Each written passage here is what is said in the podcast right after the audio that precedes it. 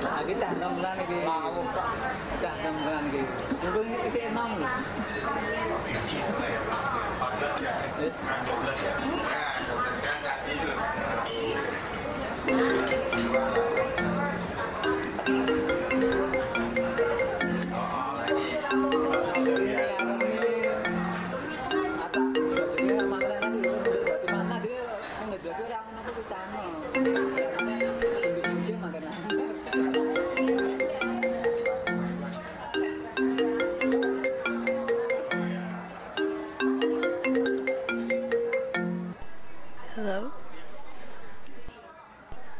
Hello?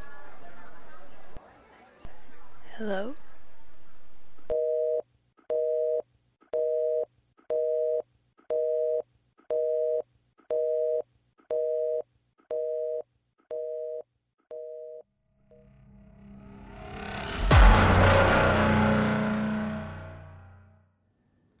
Hai, selamat datang di podcast hiburan dan informasi pertama edisi Idul Fitri. Dan saat ini kamu sedang mendengarkan Ensiklopedia Indonesia.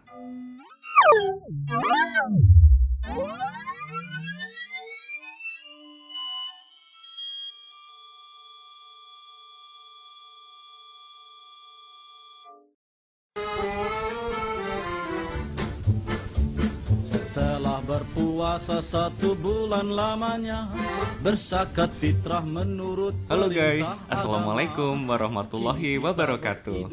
Ketemu lagi di Ensiklopedia Indonesia. Senang sekali rasanya hari ini kita bisa bertemu kembali untuk berbagi informasi menarik dengan kamu Dalam suasana lebaran melalui podcast yang biasanya membicarakan tentang sesuatu yang baru, hiburan, dan kami hadir dengan sedikit informasi.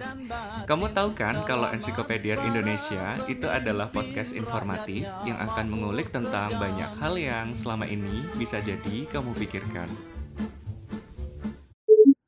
Alhamdulillah ya, senang sekali rasanya hari ini. Untuk kita yang muslim, hari ini kita bisa merayakan kemenangan kita setelah 30 hari berpuasa dengan berlebaran penuh nikmat. Gimana guys, kamu ngerasain nggak hari ini penuh dengan rasa damai? Kalau aku sih ngerasain ya, apalagi kita sudah berpuasa selama 30 hari dan ini adalah hari untuk merayakannya.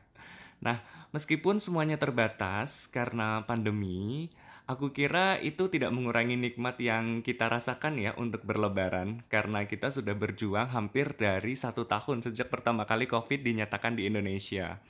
Hmm, episode kali ini aku tidak mau membahas COVID, aku mau ngajak kalian untuk bisa menikmati Idul Fitri di berbagai daerah. Nah, lebaran kali ini kita ngerayain secara audio ya di podcast. di Ensiklopedia Indonesia episode Idul Fitri.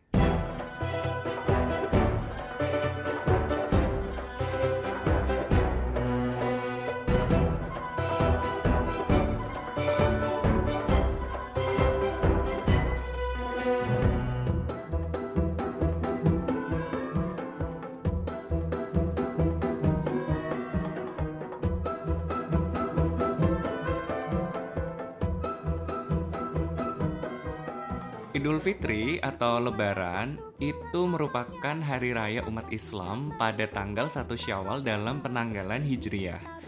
Yang sudah pasti dilakukan pada hari nan suci ini itu adalah pelaksanaan sholat id karena hukumnya adalah sunnah mu'akad.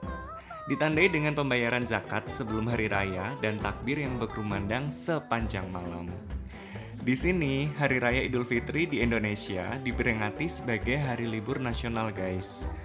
Karena ini merupakan tradisi dari mayoritas masyarakat Indonesia yang beragama Muslim. Nah, yang unik adalah itu adanya tradisi mudik Lebaran. Kalau tidak ada pandemi, sepertinya mudik bisa dimulai dari dua minggu sebelum Idul Fitri ya. Dan mudik sendiri itu awalnya berasal dari kata udik yang artinya kampung. Maksudnya adalah ini merupakan kegiatan yang diperuntukkan bagi mereka yang merayakan Idul Fitri bersama keluarga di kampung halaman. Selama perayaan, kebanyakan pasti langsung mengucap minal aizin wal faizin ketika sudah mudik, kemudian bersilaturahmi ke sanak saudara kita.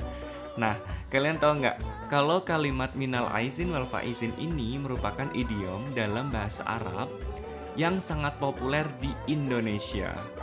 Artinya sendiri itu adalah semoga kita semua tergolong ke orang yang kembali ke fitrahnya dan menuai kemenangan dengan meraih surga. Amin. Nah, bagaimana dengan kata lebaran sendiri? Hayo, siapa yang sudah lebaran badannya?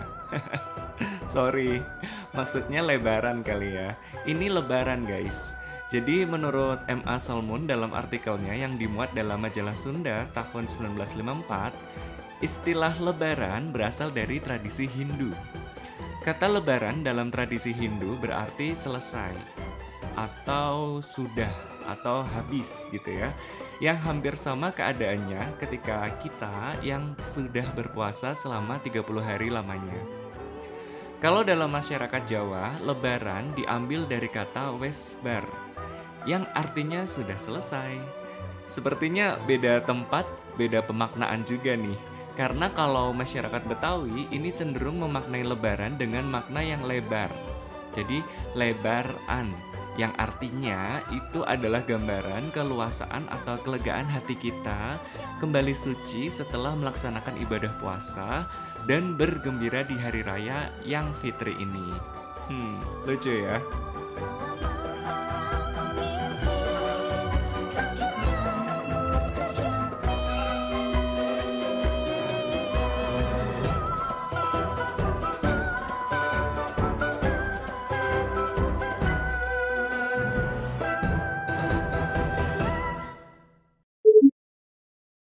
Ada lagi istilah populer yang kita sering dengar ketika perayaan lebaran. Halal bihalal. Familiar kan? Menurut Fatoni Ahmad dalam tulisannya mengenai makna dan filosofi halal bihalal di Indonesia, istilah halal bihalal sendiri memang merupakan istilah khas dari Indonesia.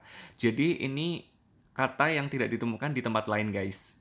Istilah ini muncul secara historis melalui Kiai Wahab untuk menyatukan bangsa Indonesia yang saat itu kurang lebih tahun 1948 sedang mengalami banyak konflik setelah kemerdekaan Republik Indonesia.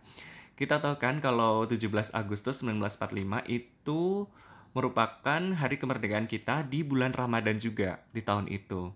Nah, kalau ditinjau dari pembahasannya istilah halal bihalal Menurut Bapak Quraisy Shihab, pakar tafsir Al-Quran Indonesia, ini merujuk pada kata halal yang berarti hala atau halala yang maknanya itu menyelesaikan masalah, kesulitan, meluruskan atau mencairkan yang beku, atau bisa juga melepaskan ikatan yang membelenggu. Jadi bisa kita maknai juga kalau halal bihalal itu bentuk dari kegiatan kita menyambung kembali apa yang putus antar hubungan masyarakat.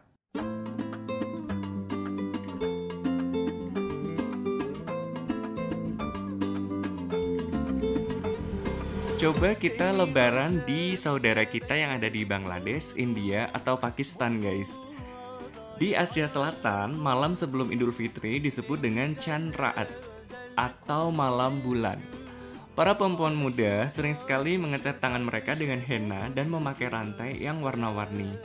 Mirip dengan kita yang ada di Indonesia, kalau muslim Asia Selatan itu pergi ke masjid atau lapangan terbuka yang disebut dengan Eidgah, artinya salat id. Berterima kasih kepada Allah karena diberi kesempatan beribadah pada bulan Ramadan yang penuh arti. Di sini banyak sekali diadakan bazar sebagai puncak perayaan Idul Fitri. Dengan cara ini, biasanya Muslim Asia Selatan merayakan Idul Fitri dalam keadaan yang meriah sebagai ungkapan terima kasih kepada Allah dan mengajak teman, saudara, keluarga, dan juga fakir miskin untuk merasakan kebersamaannya. Kita pergi ke daerah Turki, guys.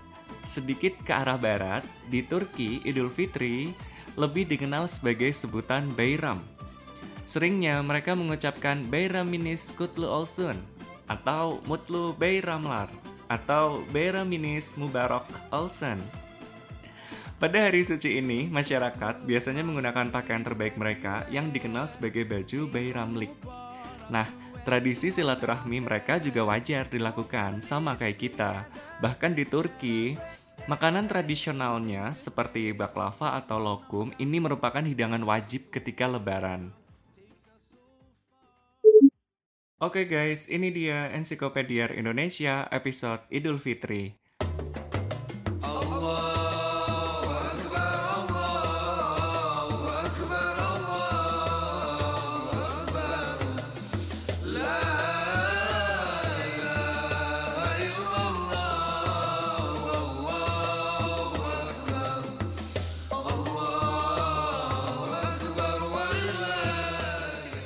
Bagaimana dengan umat muslim yang ada di benua Amerika guys?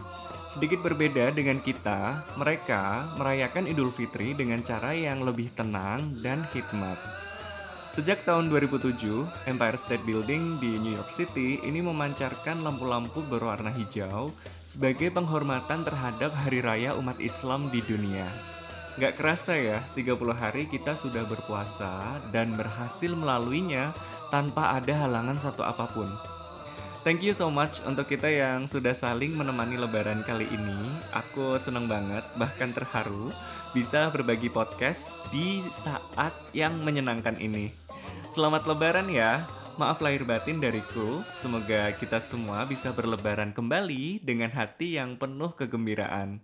Aku Diar pamit, see you on next episode. Wassalamualaikum warahmatullahi wabarakatuh. See ya.